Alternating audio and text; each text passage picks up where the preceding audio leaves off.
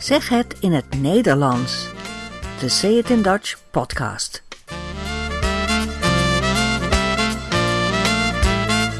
Nummer 47. In deze aflevering praat ik over de kunstbeweging Cobra na de Tweede Wereldoorlog en over poëzie van de vijftigers met enkele fragmenten. En ik lees weer een paar mooie e-mails voor die ik van luisteraars heb gekregen. Veel plezier bij deze 47ste aflevering van Zeg het in het Nederlands. Vorige keer sprak ik over de mentaliteit van de Nederlanders. De mentaliteit van doe maar gewoon, dan doe je al gek genoeg. Maar soms gebeuren er hier toch bijzondere dingen die je beslist niet gewoon kunt noemen. Dat was bijvoorbeeld in de kunst, vlak na de oorlog. Je moet weten dat Nederland van 1940 tot 1945 bezet was door Nazi-Duitsland. In Duitsland had je sinds 1933 een Rijkskultuurkammer, een Rijkscultuurkamer, opgericht door Jozef Goebbels. Een cultuurorganisatie waar je lid van moest zijn om te mogen werken in de cultuursector. En deze organisatie schreef precies voor wat Duitse cultuur was. Zij bepaalden wat wel of niet beeldende kunst was, welke architectuur geaccepteerd werd, welke muziek een orkest mocht spelen en waarover de journalisten, dus de pers, de kranten, waarover zij mochten schrijven en wat je op de radio mocht zeggen en wat voor theater, film en literatuur er toegestaan was. Duitse cultuur, dat was kunst door Ariërs gemaakt, kunst die bijdroeg aan het Duitse volk en het Duitse ras. Joden mochten geen lid worden en mensen die moderne kunst maakten, zoals de expressionisten, ook niet. Dat werd entartete kunst genoemd, ontaarde kunst, verkeerde kunst. Dat was sinds 1933 gaande in Duitsland. Dat zijn onze buren. Ondertussen mocht in Nederland de regering zich nooit met kunst bemoeien. Dat was al meer dan honderd jaar zo. Kunst was geen regeringszaak, zeiden we hier. Maar toen vielen de nazi's in mei 1940 ons land binnen en werd het dus wel een regeringszaak. De Duitsers vonden dat Nederlanders ook bij het Duitse volk hoorden, dat wij hier ook Germaans waren. Daarom werd ook in Nederland een cultuurkamer opgericht. In andere Europese landen gebeurde dat niet, maar hier dus helaas wel. En bij ons gold dus dezelfde strenge censuur, net als in Duitsland. Je moest dus lid zijn om te kunnen werken als journalist of schrijver of entertainer of muzikant of architect of filmer of schilder of tekenaar en noem maar op. Je kon als kunstenaar nog geen tubetje verf kopen als je geen lid was.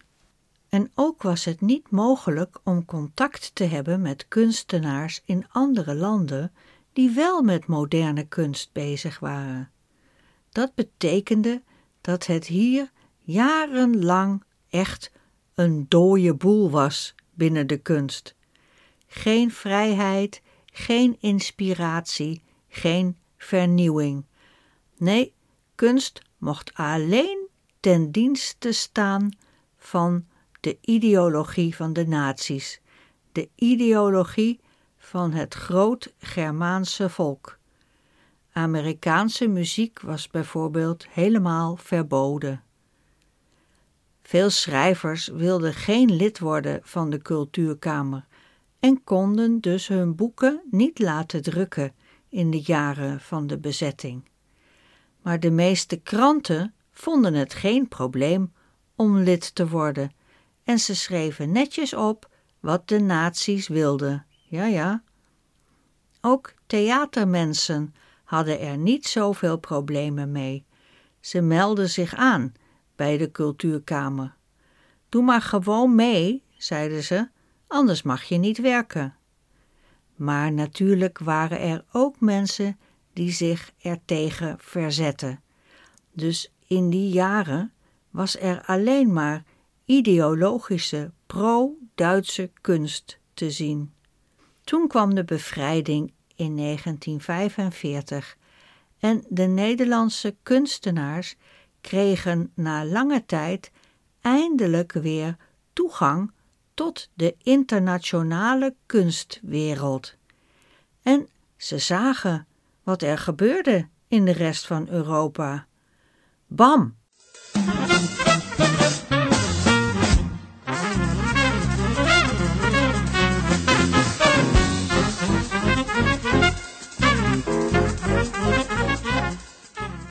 Ze zagen wat Picasso deed, wat de strakke Franse avant-garde aan het doen was, of het surrealisme in België. Deze stijlen hadden veel aandacht voor de vorm, het uiterlijk. Maar er was ook een heel andere beweging, zoals in Denemarken gaande was, die juist meer aandacht had voor de inhoud van de kunst. Daar had je een nieuwe stijl gericht op de krachten van oerbeelden, de krachten van de natuur, de krachten van oude volkskunst en oude Scandinavische legende. Op zoek naar de oerbron. Het leven zelf, daar ging het om, zeiden ze. En deze Deense kunstenaars lieten ook een nieuwe schildermanier zien. Spontane kunst, fantasie, vanuit het onderbewuste schilderen. En ze hadden daar ook een maatschappelijk verhaal aan verbonden, een politieke boodschap. Ze wilden een nieuwe, mooie wereld maken, een marxistische wereld waarin alle mensen creatief konden zijn. Belangrijke man in dit verhaal was de Deense kunstenaar Asger Jorn.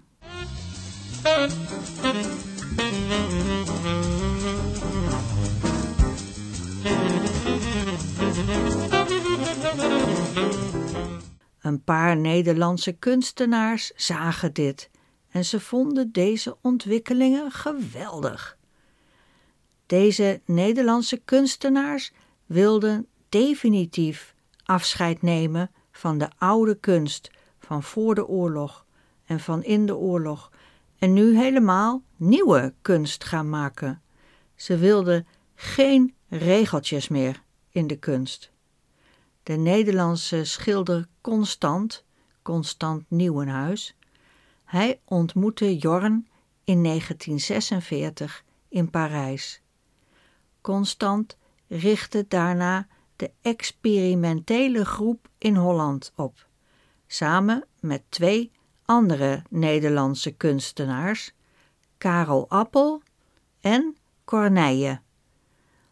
Deze drie mensen, Constant, Appel en Corneille, waren de kern van de Nederlandse vernieuwing na de oorlog, geholpen door de nieuwe directeur van het Stedelijk Museum in Amsterdam, Willem Sandberg.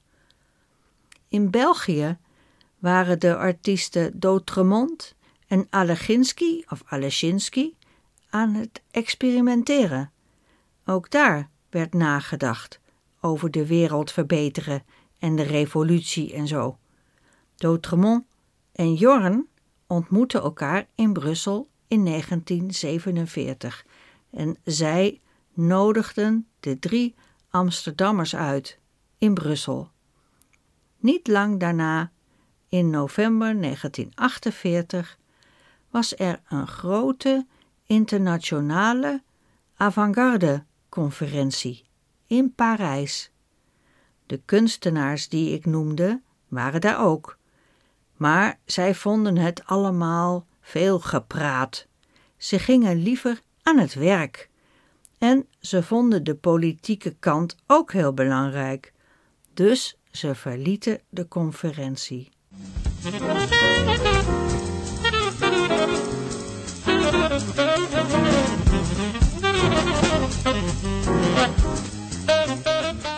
De Denen, Belgen en Nederlanders richtten toen samen een beweging op met de naam Cobra. Co van Kopenhagen, de hoofdstad van Denemarken, Brr van Brussel, de hoofdstad van België, en A van Amsterdam, de hoofdstad van Nederland, Cobra. Cobra is natuurlijk ook de naam van een slang.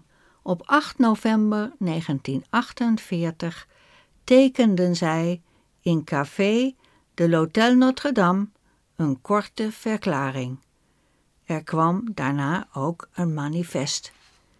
Er sloten zich meer kunstenaars aan.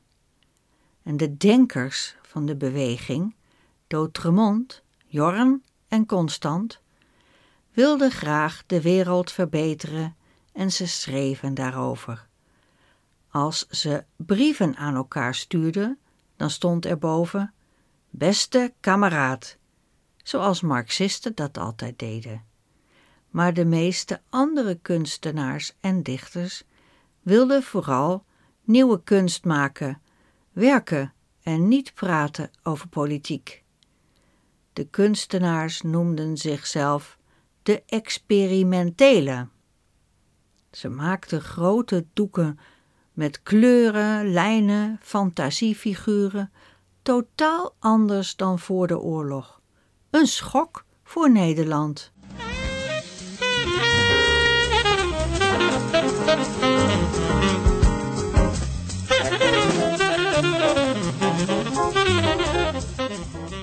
Het was het begin van een enorm turbulente tijd met een groot netwerk van kunstenaars in heel Europa en heel veel kunstactiviteiten, ook in Nederland.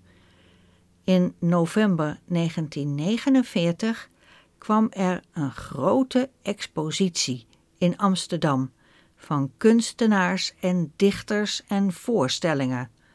Nou, die sloeg in als een bom. In het land van doe maar normaal, dan doe je al gek genoeg, was dit wel een hele gekke tentoonstelling. Oei oei, wat schrokken de mensen daarvan. De Nederlandse experimentelen staken hun tong uit naar de Nederlandse burgermaatschappij. Na na na na na na. Dat betekent dat ze zich niets aantrokken van de regels van de kunst. Ze staken hun tong uit, ze maakten een lange neus naar de kunst van voor de oorlog. En alles stond op zijn kop.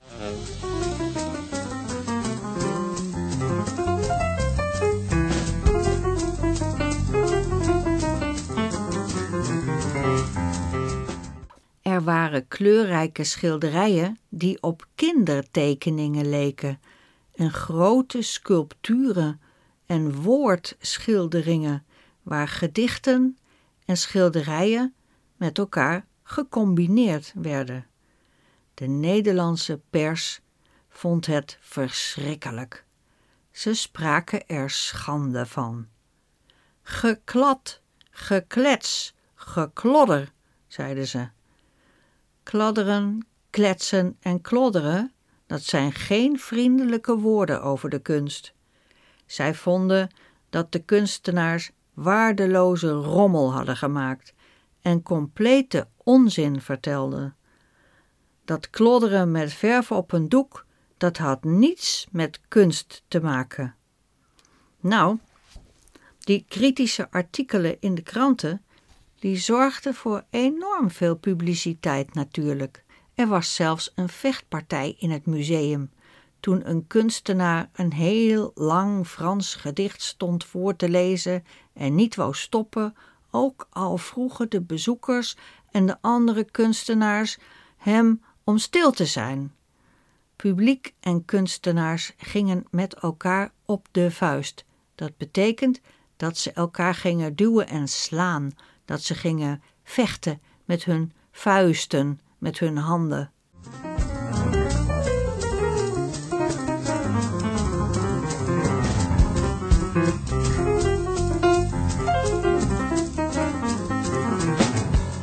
Dus allemaal rellen en incidenten die de Cobra-beweging en de kunstenaars in één klap heel beroemd maakten.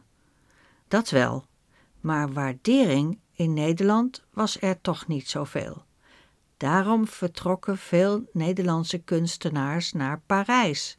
Daar werkten ze in een groot oud fabriekspand. Er kwam ook een grote expositie in Luik in België. Begin jaren 50 begrepen de kunstenaars wel dat het communisme, het marxisme in de praktijk bij Stalin toch niet zo mooi was als ze dachten. En toen namen ze afscheid van de politieke ideeën. Cobra bestond als beweging maar een paar jaar. In 1951 stopte de club alweer. Maar de kunstenaars gingen natuurlijk gewoon verder, in de nieuwe stijl, de nieuwe manier van schilderen. En ze hadden veel invloed op jonge kunstenaars.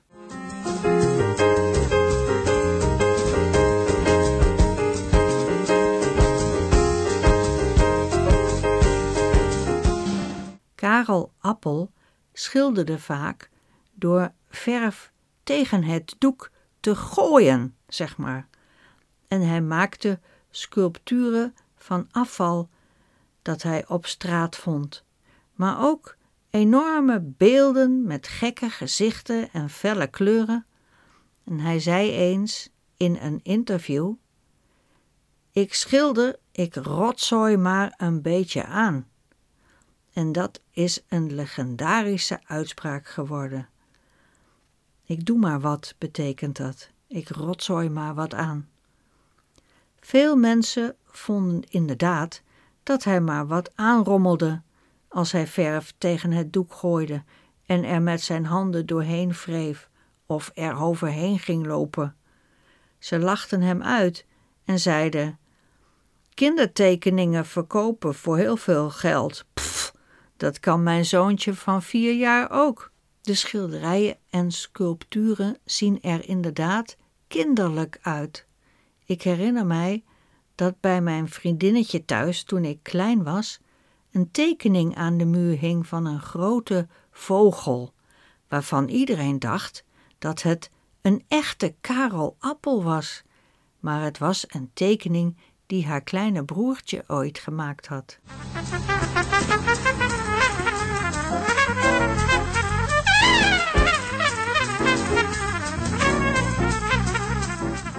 Lange tijd werd Appel niet echt geaccepteerd in Nederland. Maar in Amsterdam durfde de gemeente hem een opdracht te geven om een wandschildering, een muurschildering te maken in de kantine van het stadhuis. Dat kunstwerk noemde hij Vragende Kinderen. Op zijn reizen naar Kopenhagen vlak na de oorlog, was hij namelijk met de trein door Duitsland gekomen. En in Duitsland was er toen heel veel honger. Op de stations, zoals op station Hamburg, zag hij groepjes magere kinderen bedelen, vragen om voedsel. Dat inspireerde hem tot een hele serie werken en ook het werk in de kantine van het stadhuis met de titel Vragende Kinderen. de meest onschuldige slachtoffers van de oorlog, zei hij. Op zijn wandschildering zie je eenvoudige ronde poppetjes met vragende kinderogen in de kleuren geel en lichtblauw en lila en rood.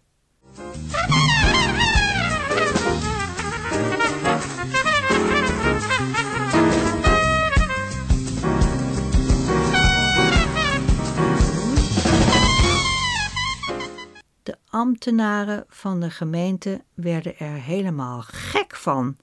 Ze zeiden: We krijgen hier in de kantine geen hap meer door onze keel, zolang die gruwelijk trieste kinderen naar ons kijken. Er waren zelfs medewerkers die het kunstwerk met potlood hadden beklad of er dingen tegenaan hadden gegooid. De ambtenaren bleven maar protesteren tegen de wandschildering van Karel Appel. De twistappel noemde de krant het, zoals in de Griekse mythologie, waar godinnen met elkaar ruzie maken om een appel. Om weer rust te brengen, plakte de gemeente in 1950 toen maar een stuk papier, een stuk behang over de muur met het kunstwerk. Dus de schildering van Karel Appel was niet meer te zien en heeft wel tien jaar verborgen gezeten achter het behang.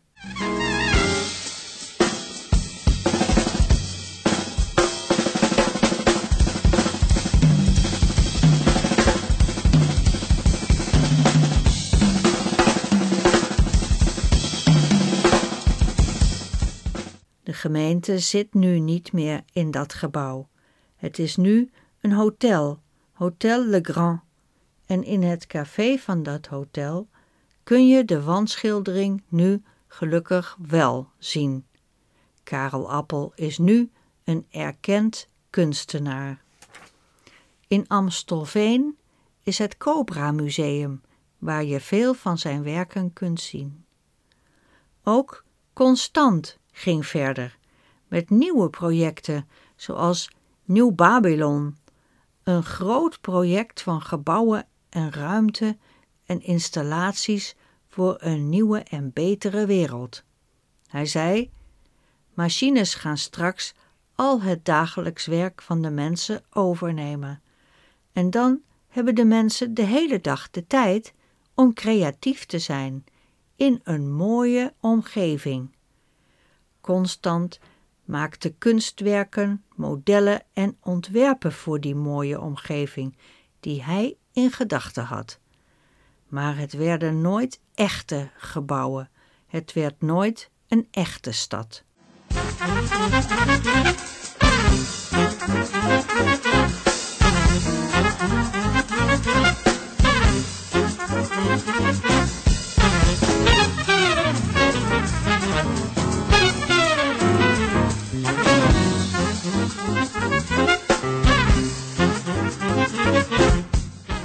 Er kwamen ook dichters en schrijvers bij Cobra, experimentele dichters. Ze noemden zichzelf de vijftigers, omdat ze allemaal in de jaren vijftig actief waren. Gerrit Kouwenaar bijvoorbeeld, Jan Elburg, Jan Hanlo, Eugène Brands in Nederland en Hugo Claus in Vlaanderen. Ze schreven totaal andere poëzie dan voor de oorlog. De belangrijkste dichter en schilder van deze groep was Lucebert, Lucebert of Lucebert, omdat hij de kritiek op de oude kunst zo goed kon verwoorden, werd hij de keizer van de vijftigers genoemd. In 1954 verscheen hij in het Stedelijk Museum ook echt verkleed als keizer, met mantel en kroon en dienaars om zich heen. Het werd weer een grote rel, want zoiets deed je toch zeker niet? Zijn poëzie klinkt prachtig, maar het is erg moeilijk te begrijpen. Nederlandse schrijvers zeggen ook dat ze er vaak niets van snappen. De schrijver Maarten het Hart noemt het raadselpoëzie. Eén zin uit een van de gedichten van Lucebert is wel heel erg bekend geworden in Nederland. Het is deze regel: Alles van waarde is weerloos. Deze regel stond jarenlang op een groot gebouw in Rotterdam. Misschien staat hij er nog wel, dat weet ik niet. En ook wordt de regel vaak gebruikt bij herdenkingen of in het theater of bij reclame. Hij komt uit een gedicht over een oude Griekse filosoof, getiteld De zeer oude zingt. Er is niet meer bij weinig, noch is er minder, noch is onzeker wat er was. Wat wordt, wordt willoos. Eerst als het is, is het ernst. Het herinnert zich heilloos en blijft eilings. Alles van waarde is weerloos, wordt van aanraakbaarheid rijk en aan alles gelijk, als het hart van de tijd, als het hart van de tijd. Het geeft niets als je niet begrijpt wat hij hier zegt. De meeste mensen begrijpen het niet. Een paar jaar geleden verscheen de biografie over Lucebert. Zijn biograaf zegt: Je moet zijn gedichten lezen zoals je naar jazzmuziek luistert. Hier hoor je Lucebert zelf een stukje voorlezen. Een gedicht over leren schrijven op de basisschool. Hopelijk voor jullie een beetje te begrijpen. Maak jij voor straf alle lange lussen af. En voor goed gedrag zet ook nog als bewijs al de puntjes op de is en op de ijs. Zo is het goed. Maar nu opgelet. Schrijf alles nog eens over in het net. Maar de experimentele dichter Jan Hanlo schreef echt gekke gedichten. Bijvoorbeeld Ote Boe. Alleen nog maar klanken, geluiden, geen woorden meer. De dichters lieten de taal los. Het is het bekendste gedicht van de experimentele, omdat de politiek er ook vragen over ging stellen. Infantiel gebrabbel noemde een parlementslid dat. Gepubliceerd in een tijdschrift dat subsidie krijgt van de staat van belastinggeld. Foei. Ote, ote, ote. Boe. Ote, ote. Ote, ote, ote, boe. Oeh, oeh. Oeh, oeh. Ote, ote, ote. Ah. Ah, ah, ah. Ote, ah, ah, ah. Ote, oeh, oeh. Oeh, oeh, oeh. Het gedicht Ote van Jan Hanlo leidde in 1952 zelfs tot vragen in de Eerste Kamer. Hoe was het mogelijk dat er met belastinggeld gesubsidieerd tijdschrift dit soort infantiel gebazel afdrukte? Goede vraag, maar de parlementariër haalde bakzeil. Bakzeil halen betekent terugkrabbelen, een minder groot probleem van maken. Het komt uit de scheepvaart. Bakzeil halen wil zeggen dat je de zeilen op zo'n manier richt op de wind dat de wind er van voren inblaast en daardoor ga je minder snel, je verliest de snelheid, dus je gaat wat rustiger aandoen, je geeft je gewonnen, bakzeil halen. En dat deed deze parlementariër, die maakte er niet meer zo'n groot probleem van. Er is alles in de wereld. Het is alles.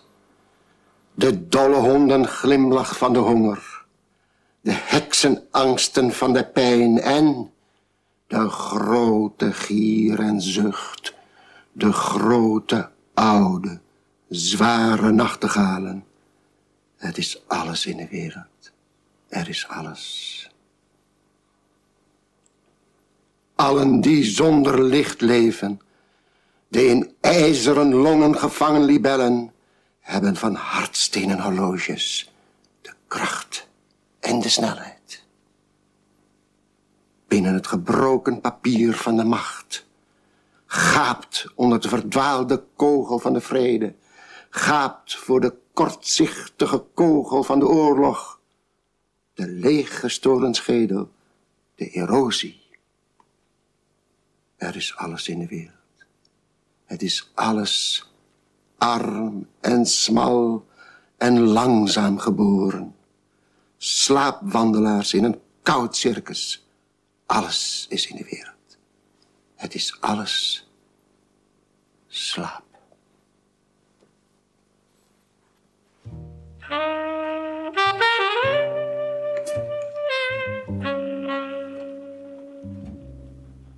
De experimentelen wonnen terrein en sindsdien is er in de literatuur natuurlijk veel veranderd. Dus in de beeldende kunst en de literatuur gebeurde echt totaal iets nieuws. Toen schrokken de mensen ervan, maar nu zijn we zoveel gewend van nieuwe kunst en literatuur schrikken we niet meer zo snel. Toen was het een ware revolutie met veel navolgers. Herman Brood, de popartiest en kunstenaar over wie ik sprak in aflevering 43, hij werd er ook door geïnspireerd. De kleurrijke schilderijen en sculpturen van Cobra zijn nog altijd bijzonder en ook veel geld waard. Een paar jaar geleden werd er nog een klein werk van Karel Appel ontdekt uit 1948. Dat was in het televisieprogramma Tussen Kunst en Kitsch, waar je spullen kunt laten taxeren. De mensen hadden het voor vijf gulden, dat is ongeveer 2 euro, op een markt in Amsterdam gekocht. Het schilderijtje van Appel werd nu getaxeerd op 20.000 euro.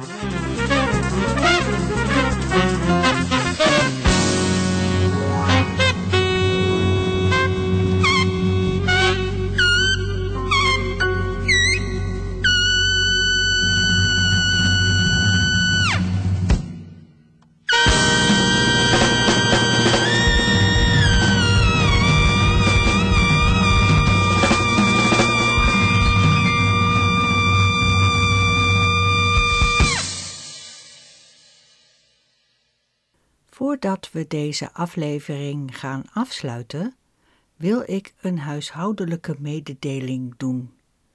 Van elke aflevering kun je het transcript bestellen in PDF. Meestal gaat dat via Payloads. Dan betaal je een paar euro via PayPal. Maar sommige van jullie willen niet met PayPal betalen. Ik begrijp dat als je een bankrekening hebt in Nederland, kun je me ook via de website dutchidiom.com een e-mail sturen. Daarin schrijf je de transcripts die je graag wilt bestellen, welk nummer. Ik stuur je dan per e-mail een betaalverzoek en dan kun je online met je eigen bank betalen. En daarna mail ik je zo snel mogelijk de PDF of een downloadlink voor de PDF's. Ik weet niet of dit ook vanuit andere eurolanden kan. Daarom ben ik bezig met Stripe als betaalmiddel, maar eerlijk gezegd snap ik niet helemaal hoe dat werkt.